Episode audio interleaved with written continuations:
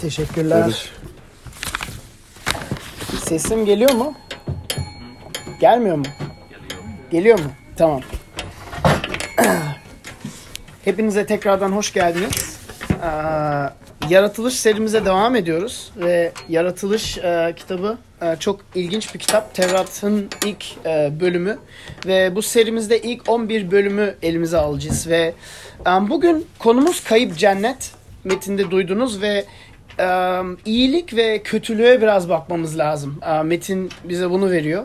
E, iyilik ve kötülük ve kötülük özellikle nedir? E, ve nereden geldi, kaynağı nedir sorusu bütün dünya görüşleri, bütün felsefeleri aslında e, insan tarih boyunca e, ilgisini çekmiştir. Yani bu soru e, kitaplarca dolduran bir kitapları dolduran bir soru ve nedense cevap yok. Yani birçok teori var ama bazı şeylerde olduğu gibi net bir cevap yok. Yani burada da bunun cevabını beklemeyin çünkü metin bize bunu vermiyor. Um, genelde ama şöyle bir bakış açısına kavuşuyoruz. Genelde şöyle diyoruz. İnsan iyi ama çevre kötü. Um, insan iyi ama sistem kötü. Uh, insan iyi ama uh, büyütüş tarzında sorunlar yaşıyoruz ve problemler oluyor ve uh, büyüme tarzındaki problemler sorunlar sonra uh, insana bulaşıyor ve iyiliğini çürütüyor. Um, tüm dünya görüşleri, tüm filozoflar, tüm dinler um, genelde bu bakış açısına kavuşuyor. Ama şöyle bir problem var. Um, çevre ve sisteme ve sosyal ve politik kurumlara sorumluluğu yüklerseniz veya anne baba çevresine insan tarihinde olan şeyleri açıklamakta bayağı zorluk çekersiniz. Um, Mesela bir örnek vereyim. Benim birçok arkadaşım ateist ve diyorlar ki valla problem sizde diyor. Dünyada din olmasa dünya yemyeşil çok güzel bir yer olur diyor.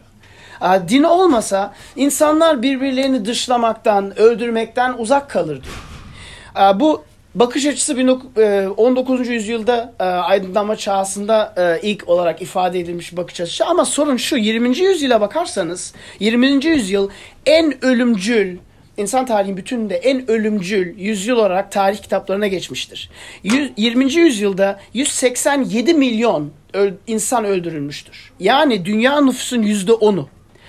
Ve kim ve ne taraf kimlerden ve neden öldürüldüğüne bakarsanız burada neyi görüyorsunuz? Komünist Çin 60 milyon öldürmüş. Komünist Rusya 23 milyon öldürmüş. Faşist Almanya 12 milyon insan öldürmüş. Bütün bunlarda din yok. Bütün bunlar ateist e, sistemler olarak tarihe geçmiş. Yani e, sorun biraz çevreden daha derin gibi gözüküyor ve size bir alıntı getirdim. Um, MIT Üniversitesi'nin bir profesörü Steven Pinker'ın bir alıntısı. Adam psikolog, uh, evrimsel psikolog ve diyor ki entelektüeller arasında yaygın olan görüş kötülüğün insan doğasıyla hiçbir ilgisi olmaması ve tamamıyla sosyopolitik kurumlara arz edilmesi gerektiğidir. Bu saf görüşe karşı çıkan herkesle dalga geçilip onlara iftira atılır. Ancak tarihin tüm zamanları, yerleri ve siyasi sistemlerinde farklı gaddarlık, zulüm ve duygusuzluk kalıpları tekrar tekrar ortaya çıkmaktadır. Bakın iyi, insan iyi, çevresi kötü bakışı entelektüel dünyada şu an çökmekte. Yani en güçlü, en şiddetli bu görüşü savunan insanlar şu an bir dönüm noktasında. Fikir birliği aşınmakta. Ve Pinker bunu ifade ediyor. Diyor ki insanın kötülükleri yaptığı dinle alakası di- yok. Dinle alakası yok, sistemle alakası yok, um, politik kurumlarla alakası yok. Bundan özgür bir şey görüyoruz diyor. Yani sağcı, solcu fark etmiyor diyor. Yani komünizm, faşizm, demokrasi fark etmiyor diyor. Ve beni yanlış anlamayın. Tabii ki um, hepsinin e, bunlara daha fazla bir katkıda faşizm veya e, komünizm tabii ki insanın kötülüğünü daha şiddetli meydana getirebilir ve demokrasi tarihine bakarsanız e, insanın kötülüğünü hesaba alıp kendisini savunma gücüne sahip olan bir iktidar. Yani mesela güçler ayrılığı neden ortaya çıkıyor? Çünkü diyorlar ya insana pek güvenilmez diyor. Onun için güçleri ayırsak sanki daha iyi olacak gibi diyor.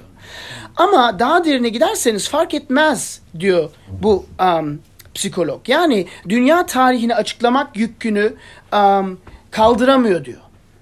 Ve sonuçta diyor ki son çare olarak uh, dişlerini sıkarak diyor ki kötülük insanın içinde olması gerek diyor.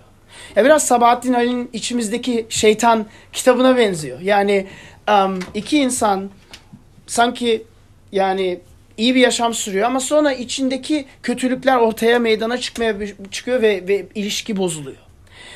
Bakın um, tabii ki Pinker evrimsel psikolojiyi temsil ediyor ve diyor ki yani milyonlarca yıl boyunca ispat şunu gösteriyor. İnsan şartlandır, şartlandırılmış bir varlık ve zulüm, şiddet ve tecavüz doğamızda var diyor. Evrim bu diyor. Tabii ki bu çok acı bir sonuç. Bunu kabul etmek çok acı bir sonuç. Yani um, umut da bitiyor o zaman gerçekten. Yani buna nasıl karşı koyacağız? Ama bakın yaratılış mektubuna bakarsanız e, yaratılış mektubu farklı bir şey gösteriyor. Diyor ki evet kötülük doğamızda doğamıza girdi diyor. Ama ilk başta öyle değildi. Yani doğal değil. İlk başta öyle yaratılmadık diyor. Ve umut var diyor. Metine bakarsanız um, bize Adem ve Havva'nın günah düşüşünü anlatıyor. Açıklıyor ve um, 7. ve 8. ayette bu arada bültende takip edebilirsiniz. Um, 4. sayfada. Um, Adem ve Havva Tanrı ile birliğini kaybediyorlar. 7. ve 8. ayette ve um, gerçek benliğini kaybediyorlar. Gerçek şahsiyetini kaybediyorlar ve utanç, saklanma, birbirlerini suçlama, bahane etme gibi şeyler dünyaya giriyor. Ve onlara bakarak onlar bu birliği nasıl kaybettiklerini anlayarak biz de bugün aynı şekilde bunları neden tekrar ve tekrar yaşadığımızı anlayabiliriz. Um, ve uh, sizinle üç tane boyuta bakmak istiyorum. Um, birincisi um, fıkra, yıla, ikincisi yalan ve üçüncüsü ağaç. Yani insan masumiyetini nasıl kaybetti?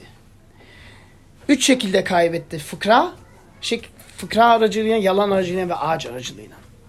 Um, bunlara sizden bakmak istiyorum bir olarak ilk olarak fıkraya bakalım.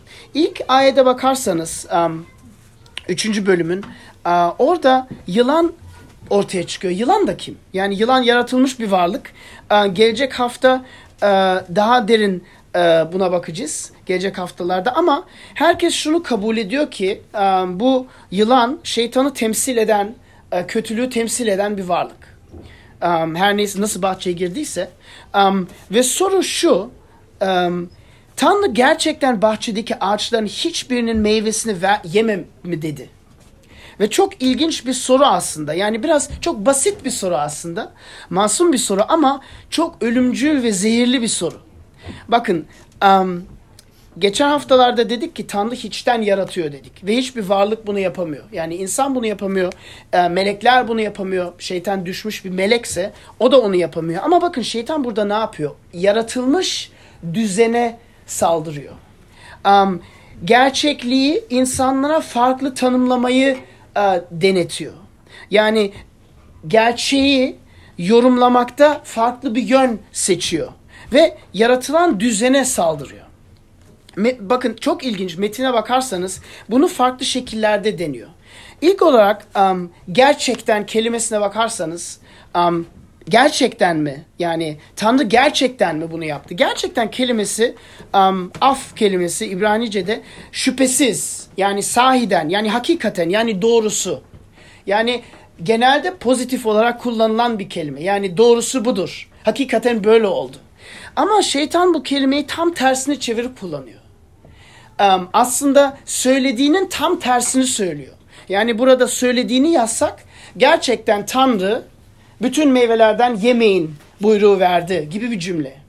Ama döndürdüğü için, terse çevirdiği için gerçekten mi, öyle mi um, gibi bir şey var. Ve bu aslında bir, bir şaka gibi, bir alay gibi.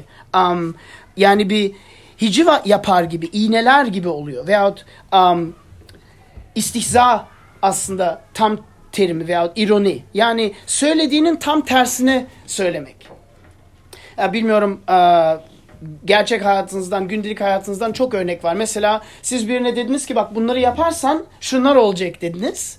Ee, izah ettiniz. Ondan sonra bu kişi yap, aynı şeyleri yaptı ve sizin evvelden söylediğiniz şeyler oldu ve siz de diyorsunuz ki Aa, çok şaştım. Çok şaştım. Asıl demek istediğiniz ya ben sana evvelden söyledim. Ben sana evvelden söyledim sen yine de yaptın. İşte çok çok şaştım. Yani söylediğinizin tam tersini kullanıyorsunuz. Ve iğneliyorsunuz. Alay ediyorsunuz. Şaka atıyorsunuz. Fıkra yapıyorsunuz. Bakın ilk yaptığı şey bu. Gerçekten mi? Gerçekten mi buna öyle söyledi? Ha. Yani alay ediyor insandan. Alay ediyor yaratılıktan. Bakın ikinci bir şey çok ilginç. Um, ağaçların hiçbirisinin meyvesini mi yeme dedi. Bakın evvelden metne bakarsanız ne diyor? Bütün ağaçların, bahçenin istediğin ağacın meyvesini yiyebilirsin diyor. Değil mi? Ama buradaki soru bunu değiştiriyor, döndürüyor, tersine çeviriyor. Hiçbir meyvesini mi yiyemezsin? Halbuki tek bir ağaçtan bahsettik. Tek bir ağaçtan bahsetti Tanrı. Ama burada şeytan bunu döndürüyor. Yani gerçekliği farklı tanımlıyor. Verilen e, verileni küçümsüyor, nankörlüğe deniyor. Yani Tanrı Allah bize milyon binlerce iyilik yapmış. E, minnettar olacağımız bin sebep var ama yine de um, iğneleyici, mutlu olmayan bir şeyi ortaya koyuyor. Yani odak noktasını değiştiriyor diyebiliriz. Adem ve Havva'nın odak noktasını değiştiriyor. Sayısız ağaç varken odak noktasını tek ağaca yönlendiriyor. Ve diyor ki ha hiçbir ağaçtan mı? Ha hiçbir ha hiçbir ağaçtan. Çok ilginç. Son olarak bakın um, son olarak uh, Havva'ya şu Havva'ya soruyor. Ve bu derin bir derin bir konuya ve derin ve hassas bir konuya dokun dokunacağım. Um, Havva ve Adem yaratıldı. Adem yaratıldı, Havva yaratıldı. Tanrı Adem'le konuştu. Dedi ki şu şu şu şu şu dedi. Um, kronolojiye girmek istemiyorum ama bakın bu biraz um, kadın erkek ve cinsiyet konusuna giriyor. Ve bakın bu konuya girmeden çünkü çok hassas bir konu ve 21. yüzyılda um, insanlar birçok şeyi alt üst etmiş. Yani bu e, sanki politik bir konuya giriyor gibi oluyor ama um, buraya girmeden bakın bir şey hatırlatalım. Geçen haftalarda gördük. Dedik ki al, insan Allah'ın suretinde yaratıldı dedik. Hatırlıyor musunuz? İnsan Allah'ın suretinde yaratıldı dedik ve dedik ki um, Tanrı erkek ve dişi olarak yarattı insanı dedik. Yani bu burada bir bağlantı var. Ve bunun temelinde gördük ki Tevrat'ın ilk bölümünde teslisi görüyoruz. Tanrı yaratıyor. Ruh her şeyin üzerinde e, dikkat ediyor ve Tanrı nasıl yaratıyor? Kelamıyla yaratıyor. Kelamı kim? İsa Mesih. Yani ve bu teslisi alarak, baba oğul ruhu alarak bunu buna bakarak e, rolleri anlamamız lazım. Yani bakın baba, oğul ve ruh eşit değerdi ama farklı rollerdi. Teolojide buna on, ontolojik yani varoluşsal ve ekonomik rollerden bahsediyor. Yani fonksiyonel rollerden bahsediliyor. Bakın um, demek e, e, ontolojik derken hepsi Tanrı özüne sahiptir. Çünkü tek Tanrı. Um, hepsi aynı değere sahiptir. Aynı derecede Tanrı'ya sahiptir. Hepsi um, aynı eşit e, eşit imkanlara sahiptir. Ama rolleri farklıdır, fonksiyonları farklıdır, görevleri farklıdır. İsa Mesih uh, çarmıha gerildi. Baba Tanrı çarmıha gerilmedi. Kutsal ruh insanların yüreğine girip günahlarını gösterip insanları tövbeye dürtüyor. Bunu İsa yapmıyor. Yani burada yine filosofik çok derin bir konuya uh, dokunuyoruz. Yani en son gerçek tek mi çok mu? Tek mi çoğul mu? Ondan da bahsettik. Ama kadın ve erkeğe girdiğimizde bunu aklımızdan ka- kaçırmamamız lazım. Burada bir um, eşit değer, o, o şüphesiz ama farklı roller.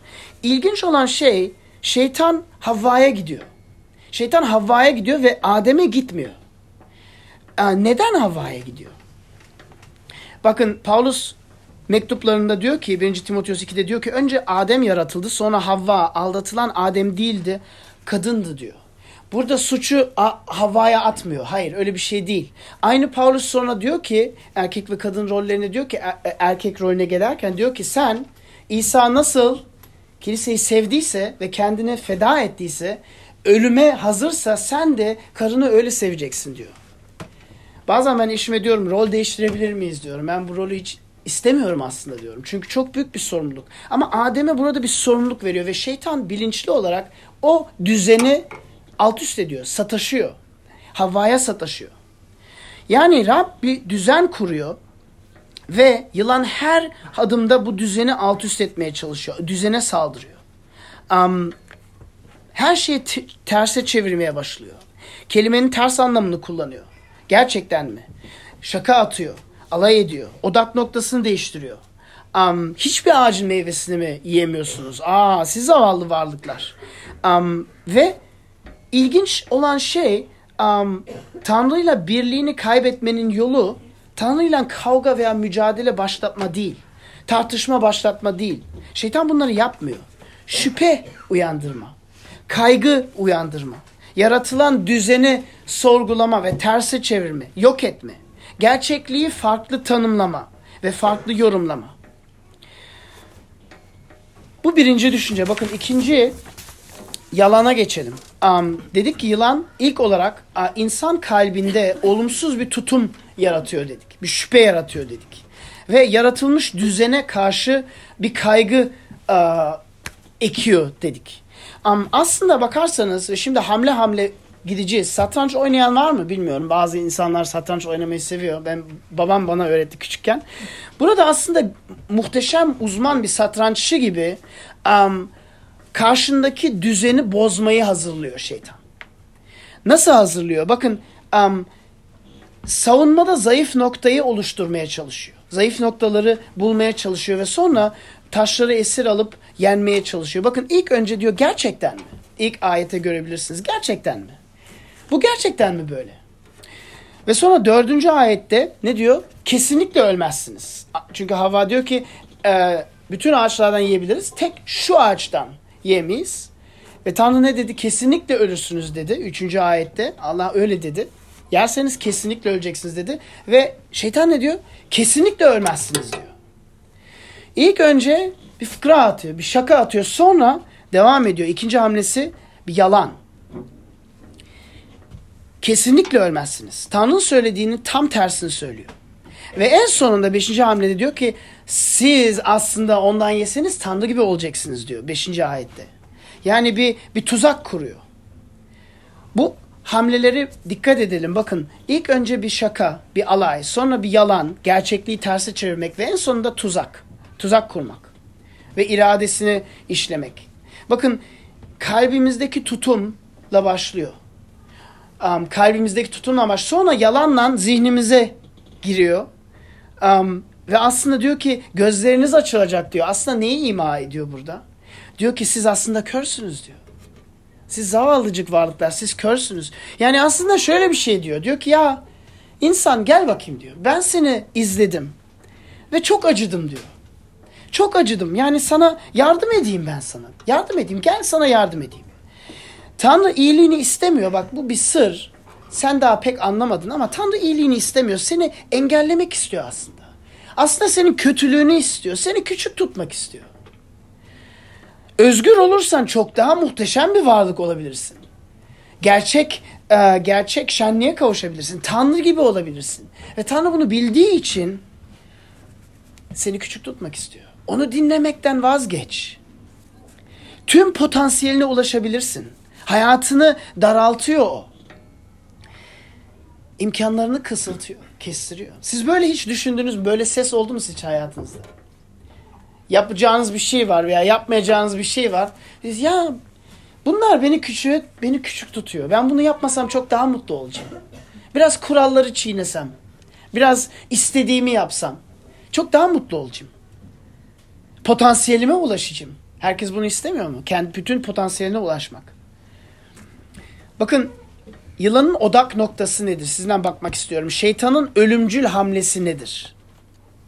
Şeytanın ölümcül hamlesi neye bakıyor? Bakın şeytan bütün bu bölümde neye bakıyor ve diyor ki bunu tahrip edebilirsem, bu taşı yıkabilirsem o zaman Tanrı ile ilişkilerini yok edebilirim.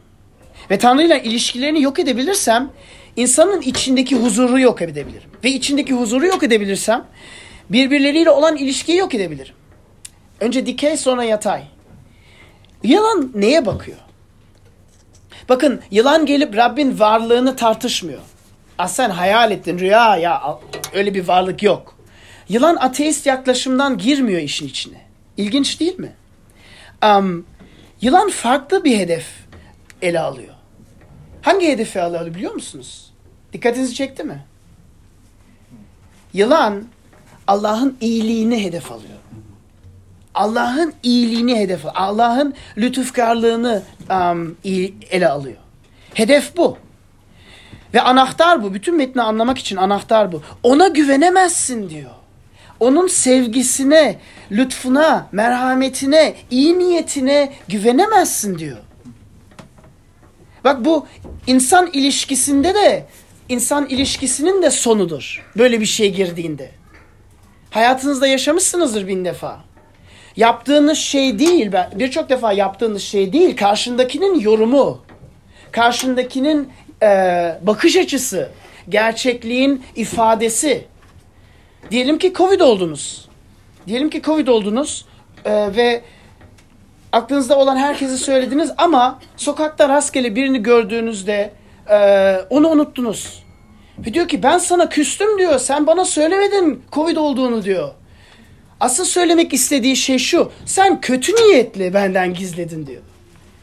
Sadece söylemedin değil. İnsan alır telefonu der ya Covid olmuşsun sen bunu neden bilinçli mi söylemedin bana? Gizlemek mi istedin ya çok kayıp ol.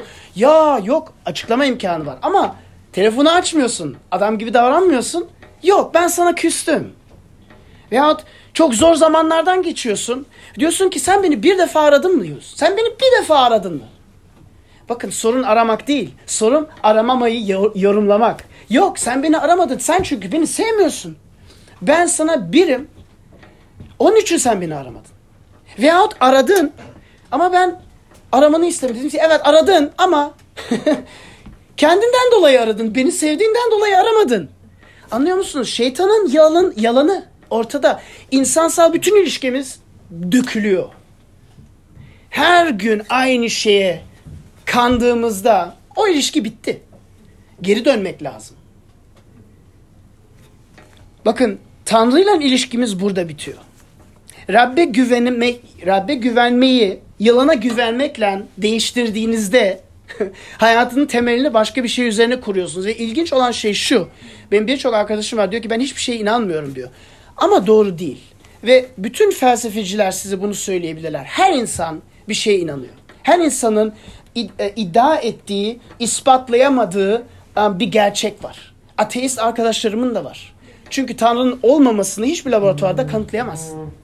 Tanrı'nın olmasını da kanıtlayamazsın. Ama en azından aynı seviyedeyiz yani. Her insanın bir inandığı şey var ve bir boşluk olmuyor. Sen ya Tanrı'nın iyiliğine inanacaksın veyahut kötülüğüne inanacaksın. Ta ya Tanrı'nın varlığına inanacaksın veya Tanrı'nın var olmadığına inanacaksın. Ama her insanın bir inanç sistemi var. Bakın burada Adem ve Havva yala, yalana inandıklarında, şeytana güvendikleri her şey zehirleniyor. Hayatları mahvoluyor, her şey dökülüyor. Bütün ilişkileri. İlk başta bu gelecek haftalarda daha fazla bahsedeceğiz bundan. Göreceğiz ki um, manevi, psikolojik ve bedensel boyutları dökülüyor. Bakın bu küçücük bir şey gibi gözüküyor ama her şey dökülüyor. Bu nasıl mümkün? Bakın um, size şunu şöyle anlatayım. Diyelim ki aşırı bir dindar insan var. Ahlaklı yaşama odaklı. Um, bütün buyrukları, Tanrı'nın bütün buyruklarını tutmaya çalışıyor. Hangi din, dine diyelim fark etmez. Ve ve gerçekten um, çaba çaba gösteriyor. Çalışıyor, istiyor, yapıyor. Ve sonradan ama aynı dindar çevresinden yani ona dahil olmayan insanları yargılamaya başlıyor. Etrafındaki insanları kınamaya başlıyor. Küçük küçük görmeye başlıyor. Kendini de üstün görmeye başlıyor. Bunu motive eden nedir? Başka bir insan düşünelim. Köyden İstanbul'a gelmiş. Ailesinden uzak. Belki dindar bir ailede büyümüş. Sonunda en sonunda özgürüm diyor. Şu dindar çevremden kurtuldum diyor. İstediğim gibi yaşayabilirim. Doğru ve yanlış kendi kafama göre belirleyebilirim diyor. Peki bunu motive eden nedir? Ve düşünün bu iki insan birbirlerinden tanışsa acaba nasıl karşı karşıya? Belki bir, birbirlerini pek sevmez bilmiyorum. Fakat bakın birbirlerine çok benziyorlar. Aslında Lukas 15. bölümde um, İsa'nın anlattığı öyküye çok benziyor. Büyük oğul, küçük oğul. Birisi Tanrı'nın e, mirasına e, Tanrı'ya itaat ederek kavuşmak istiyor. Öbürü Tanrı'nın buyruklarını kırarak Tanrı'nın mirasına kavuşmak istiyor. Ama ikisinin de ilişkisi yok Tanrı'yla. İkisinin de Allah'la ilişkisi yok. İkisi de sadece Allah'ı kendi amaçları için kullanmak istiyorlar. Tanrı'dan bir şey istiyorlar. Ve ikisinin de temelinde şu yalan var. Tanrı'ya güvenemezsin. Tanrı iyi değil. Tanrı merhametli değil. Tanrı lütufkar değil. Onun için o kadar sıkı çalışmam lazım ki bütün buyruklarını tutabilmem lazım ki onu bana bir borçluk olsun. Cenneti kendim hak edeyim. Çalışarak hak edeyim. Çünkü Tanrı'ya güvenemem. Öbürüsü de aynı. Tanrı'nın Tanrı'nın iyiliğine güvenemem. Tanrı bütün benim eğlen, eğlenme isteklerimi sıfırlıyor. Ona güvenirsem hayatım biter. O benim iyiliğimi istemiyor. Onun için bütün yasaları çiğniyorum. İstediğim gibi yaşıyorum. Kendi kafama göre. Bu iki insan türü çok birbirine benziyor. Ve çok ilginç bir şey. Bakın sorunların, sorunlarımızın kökü, gerçekten kökü bu yalana inanmak. Kalbimizde inanmak, zihnimizde inanmak ve en, en sonunda irademize geçmesi. Tüm eylemlerimizin altyapısı um, gerçekten buysa kötü. Ve son bir örnek vereyim. Bir çocuğu düşünün. Çocuğun en temel ihtiyacı ne? Bir çocuk doğuyor, büyüyor. En temel ihtiyacı ne? Annesi ve babasının iyi olmasına güvenmek değil mi? Annesine ve babasına veya kim büyütüyorsa güvenebilme şeysi değil mi? Yalan buna sataşıyor. Yalanın hedef noktası bu. Sen ara sıra Tanrı'nın iyiliğini şüpheli misin? Tanrı'nın iyi olmasından kaygılı mısın? Gerçekten benim iyiliğimi istese ben çoktan evlenmiş olurdum. Kaç senedir birisini arıyorum. Bilmiyor musun? Öyle düşünüyor muyuz bazen? Veyahut sen gerçekten beni sevsen bu kadar bu kadar berbat koşullarda çalışma mecburiyetinde kalmazdım. Veyahut sen gerçekten beni sevsen şu YGS sınavından geçerdim. Hiç öyle düşünüyor muyuz? Bakın aynı şeye düşüyoruz. Aynı şeye düşüyoruz. Gelelim ağaca. Um, son adım Hava meyveyi gördü, istedi ve yedi. Bakın kalp, zihin, en sonunda irade. İlk önce kalbimizde bir tutum oluşuyor. Sonra zihnimize geçiyor ve en sonunda irademizde son hamleyi yapıp ve düşüşe kavuşuyoruz. Şimdi bunu okuduğumuzda bu ne ağaç diye soruyoruz. Şeftali ağacı mıydı? Elma ağacı mıydı? Armut ağacı mıydı? Belki meyvelerin içinde sihirli bir şey mi vardı? Um, metin bize söylemiyor. Metin bize söylemiyor. Ama bilir, bilir musunuz aslında önemli değil. Çünkü her meyve olabilirdi. Neden? Bakın um, Tanrı dedi ki o ağaçtan yeme dedi. Ağaçtan ilgili bana itaat et dedi. Hiç düşündünüz mü ilk buyruk neden buydu? Bakın ilk buyruk birbirinize vurmayın da olabilirdi. Veyahut, veyahut um, birbirinize yalan söylemeyin olabilirdi. Veyahut um, birbirinizi öldürmeyin olabilirdi. Veyahut hayvanlara şiddet işlemeyin, zina yapmayın da olabilirdi. Neden ağaçtan yeme? Hiç düşündünüz mü? Neden tek kural bu? Yine biraz derin ama bakın aslında şu soruyu soruyorum size. Günahın özü nedir? Kötülüğün özü nedir? Temeli nedir? Bakın vurmaksa o zaman günahın özü kötü şeyler yapmaktır. Ama öyle bir şey demiyor. Ağaçtan yeme diyor. Ama ağaç iyi bir şey değil mi? İkinci bölümde okumadık mı? Her şeyi yarattı, her şey mükemmeldi, her şey iyiydi diye okumadık mı? Bakın burada bize gösterilmek istediği şey şu sanırım.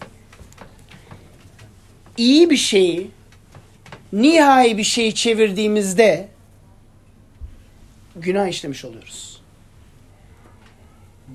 Kötü bir şeyden bahsetmiyorum. iyi bir şeyden bahsediyorum. Ve bakın bütün insanlar, her tanıdığınız insan bunu yapıyor. Ben de yapıyorum maalesef. Tanrı'da arayacağımız şeyleri başkalarında aramak. Tanrı'dan bize verilen, Tanrı'dan arayacağımız güveni, Tanrı'dan arayacağımız onayı, Tanrı'dan arayacağımız kontrolü, Tanrı'dan arayacağımız um, her şeyi yaratılmış şeylerde aramak. Bakın burada bir ağaç var ve meyve var ve bunlar iyi. Ve 17. ayette diyor ki bakın bu iyi ve kötüyü bilme ağacı diyor. Bu ağaç kötü değildi ki. İyi ve kötüyü bilmek de kötü bir şey değil. Peki neden? Neden bu bir buyruk olarak var? Bakın burada net okursanız bir büyüme potansiyeli var ortada. Kesinlikle var. Bir büyüme potansiyeli var ve Adem ve Havva bunu biliyorlardı. Ama şey şu. Tanrı'nın asıl söylediği şey şu. Allah diyor ki sen bana güveniyor musun diyor. Sen bana güveniyor musun diyor. Güveniyorsan o zaman evet büyüme potansiyeli var. Onun zamanlamasını benim bilgeliğime bırakacaksın diyor. Ama Adem ve Havva güvenmiyor. Adem ve Havva Rabbin sevgisini şüpheleyip yalana inanıyorlar. Ve ne oluyor? İyi bir şeyi alıyorlar. Kendi gelişmeleri için, kendi zamanlarını, kendi kafalarına göre kullanıyorlar. Tanrı gibi olmak. Asıl demek, asıl bu demek. İstediğim zaman istediğim şeyi yapabilirim ve hiçbir insan bana hiçbir şey söyleyemez. Tanrı gibi olmanın efe, temeli bu. Bakın Rabbi beklemiyorlar. Rab iyi olduğuna inanırsak o zaman deriz ki tamam iyi ve kötülük ağacı var ama zamanı gelince yiyeceğiz bundan zaten.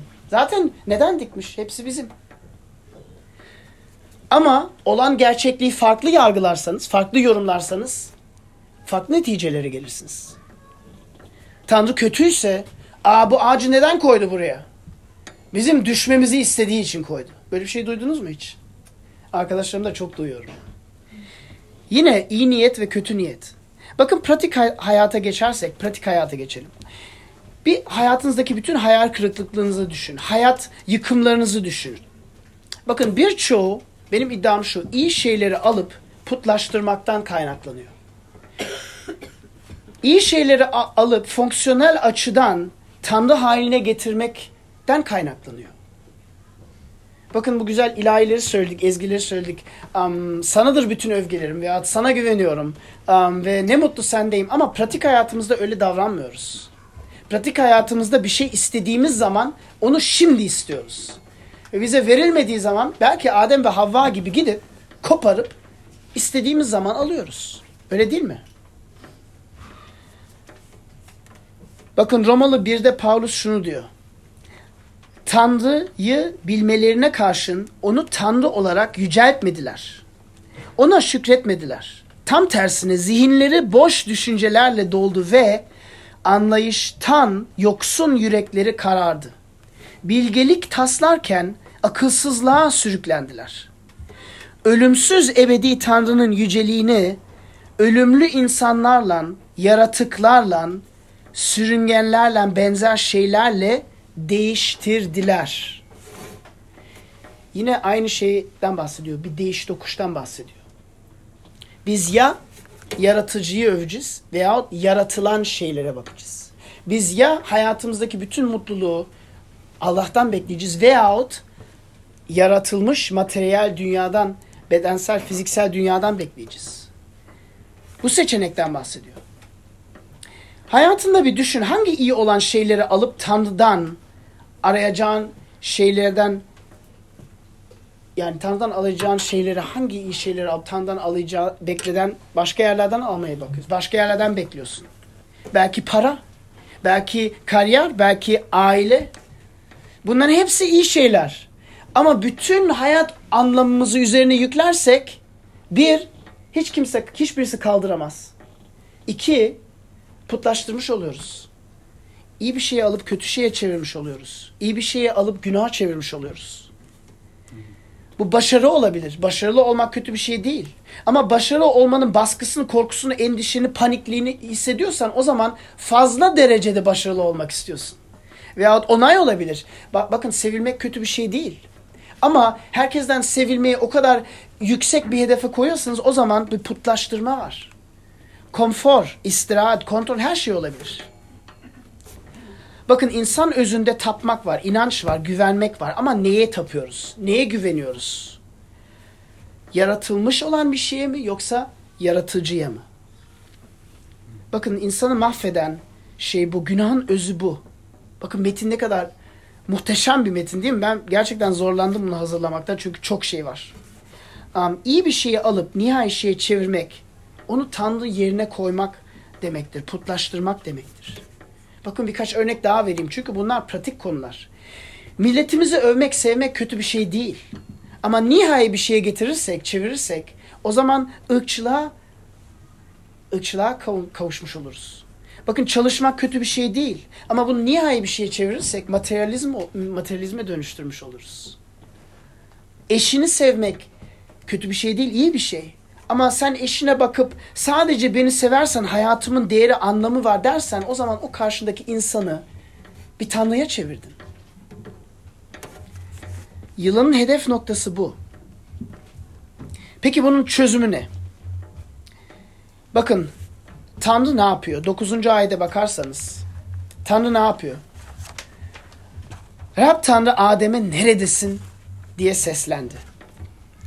Bu biraz antropomorfizm. Tabii ki Tanrı Adem'in nerede olduğunu biliyor. Ama Tanrı duruma bakıyor ve bir karar veriyor. Ve bakın Tanrı insan gibi değil. Bazen biz karar veriyoruz ve sonradan diyoruz ki ya bu bu kadar iş olduğunu bilseydim, bu bu kadar bu kadar güç olduğunu bilseydim hiç yola çıkmazdım. Ama Tanrı öyle değil. Allah öyle değil. Biliyor. Ve biliyor ve bir karar veriyor.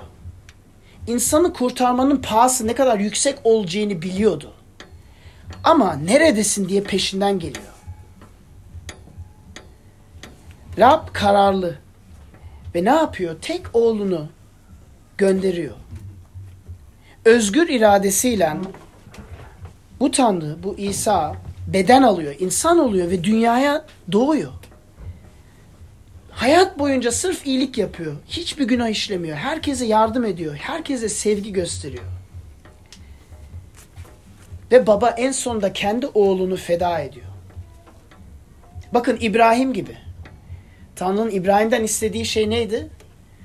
Sen beni sevdiğini göster, İshak'ı İshak'ı kurban olarak sun. Ama en sonunda kurtarıyor. Kurtarıyor. İbrahim'i ve İshak'ı. Ama kendisi kurtulmuyor. Bakın bütün bunlara çözüm ve cevap İsa. Ağaca, yalana ve fıkraya. Kısaca geçeyim. Bakın ağaca. İsa da bir bahçedeydi. İsa da bir bahçedeydi. Adem bahçesinde değil, Getsemani bahçesindeydi. Adem'e Tanrı şöyle dedi. Ağaçla ilgili sözümü dinle. Ağaçla ilgili bana güven. Ve ödülün sonsuz hayat olacak. Cennet gibi bir hayat olacak. Kötülük yok, ölüm yok, yalan yok, hastalık yok. Ve Adem ve Havva sözünü çiğnediler. İsa'ya da Tanrı aynı şeyi söylüyor. Diyor ki ağaçla ilgili sözümü dinle diyor. Bu ağaç nedir? Çarmıh. Çarmıhla ilgili sözümü dinle diyor. Ödülün ne olacak? Mükemmel hayat yaşayan bir insanın ödülü nedir? Cennettir değil mi? Hiç kimse bunu tartışmaz. Ama İsa'nın ödülüne diyor ki bütün bunlarla sözünü dinle ödülün cehennem olacak diyor. İnsanların bütün gazabını senin üzerine yükleyeceğim diyor. Ve seni toz gibi ezeceğim diyor çarmın üzerinde. Ödülüm bu. Ve İsa itaat ediyor. Bakın kefaretimizin tek yolu. Günahımızın cezasını üstlenip İsa ödedi. İsa ağaca başa İsa ağaçla başa çıktı. İsa yalanla da başı çıktı. Bakın zehirli ve acı ve hüzün bu, bu yalanın dünyamıza getirdiği şeyler. Peki bunlarla başa çıkmak bunun pan zehri nedir? Acıyla, ölümle, başarı kuşkusuyla, dürtüyle, işkolikle, tembellikle, hayatın bütün zorluklarından başa çıkmasının çözümü ne? Bakın başa çıkması nasıl bir çocuk anne babasına güvenebileceğini bilmesi gerekirse biz de Rabbin sevgisinden emin olmamız lazım. Peki nasıl emin olabiliyoruz? Çarmıha bakın. Bakın bir e, ilahiyat hocası dedi ki çarmıh olmasaydı dedi ben bu kadar kötülük dolu bir dünyada kesin Allah'a inanamazdım dedi. Sonra devam etti dedi ki acı ölüme karşı muaf olan bir Allah'a ben inanamazdım dedi. Sadece Tanrı'nın ta kendisi gelip benim acımın tadını alıp benim ölümün tadını alıp benim yerimi ölmesini gördüğümde onun beni ne kadar çok sevdiğini anlayabiliyorum dedi. Ve o zaman yala, yalana kanmıyoruz. Çünkü Tanrı'nın bizi sevdiğini şüpheli kaldığımızda çarmıha bakıyoruz diyor ki ve Paulus'un bunu söylediği gibi mektubunda diyor ki sana tek evladını veren bir Tanrı bütün istediklerin her şeyini de vermez mi? Her şeyin derken sana iyi olan şey senin istediğin şey değil. Bazen biz şeyler istiyoruz ama iyi değil. Ve son olarak fıkra alan başa çıkıyor İsa. Bakın bazı insanlar her şeye gülüyor. bazı inşa- insanlar her şeyle alay ediyor. Bunlar genelde her şeyi yargılayan insanlar. Hiçbir şeye inanmıyorum diyen insanlar. Ve bazı insanlar hiçbir şeye gülmüyor. Çok ciddiler. Çok çaba gösteriyorlar. İkisinin sebebi de aynı. İki insan da gurur ve kibir dolu. İki insan da alçak gönüllü değil. Ve İsa bize üçüncü bir yol gösteriyor. Her şeye gülen, alay eden insan sadece kendisiyle alay etmiyor. Ama İsa bize kendimizi o kadar ciddiye almamayı gösteriyor. İsa iki insan türünü de Tanrı ile bağışlama yolunu gösteriyor. Ve ikisi içinde ölüyor. Ve ilginç değil mi? İsa'nın en fazla cebelleştiği kesim günahkarlar değil. Kadıköy gibi yerlerde olan insanlar değil. Onları da acıdı tabii ki ama dindar insanlar. En fazla ölümünü isteyen, en fazla ondan sinir olan insanlar Ferisilerdi. Coşalım bakın çarmıhta hepsinin çözümü var. Çarmıha baktığımızda iki şey görüyoruz. Birisi bizim durumumuz itiraf etmek istediğimizden çok daha berbat. Kendimizi saçımızdan tutup kuyudan çıkartamıyoruz. Başkası gelip bizi kurtarması lazım. Ama ikinci defa, ikinci yönden de diyor, görüyoruz ki biz Allah tarafından hayal ettiğimizden de daha fazla sevilmişiz. Daha fazla değer verilmişiz ki bizim peşimizden geliyor. Ve en değerli şeyini, en yüksek pahasını bizim için feda ediyor. Dua edelim. Rabbimiz sana şükrediyoruz um, bu güzel metin için gerçekten derin birçok şeyde gerçekten um, hayatımızı değiştirmemiz lazım. Ben hayatımı değiştirmem lazım. Sen bize dengeli, mutlu bir hayat yaşamın temelini sunuyorsun. Armağan ediyorsun çarmıhta. Ve bunu kabul etmek istiyoruz Rab. Yani lütfen gözlerimizi aç, yüreğimizi paklaştır. Seni seviyoruz. İsa Mesih adına amin.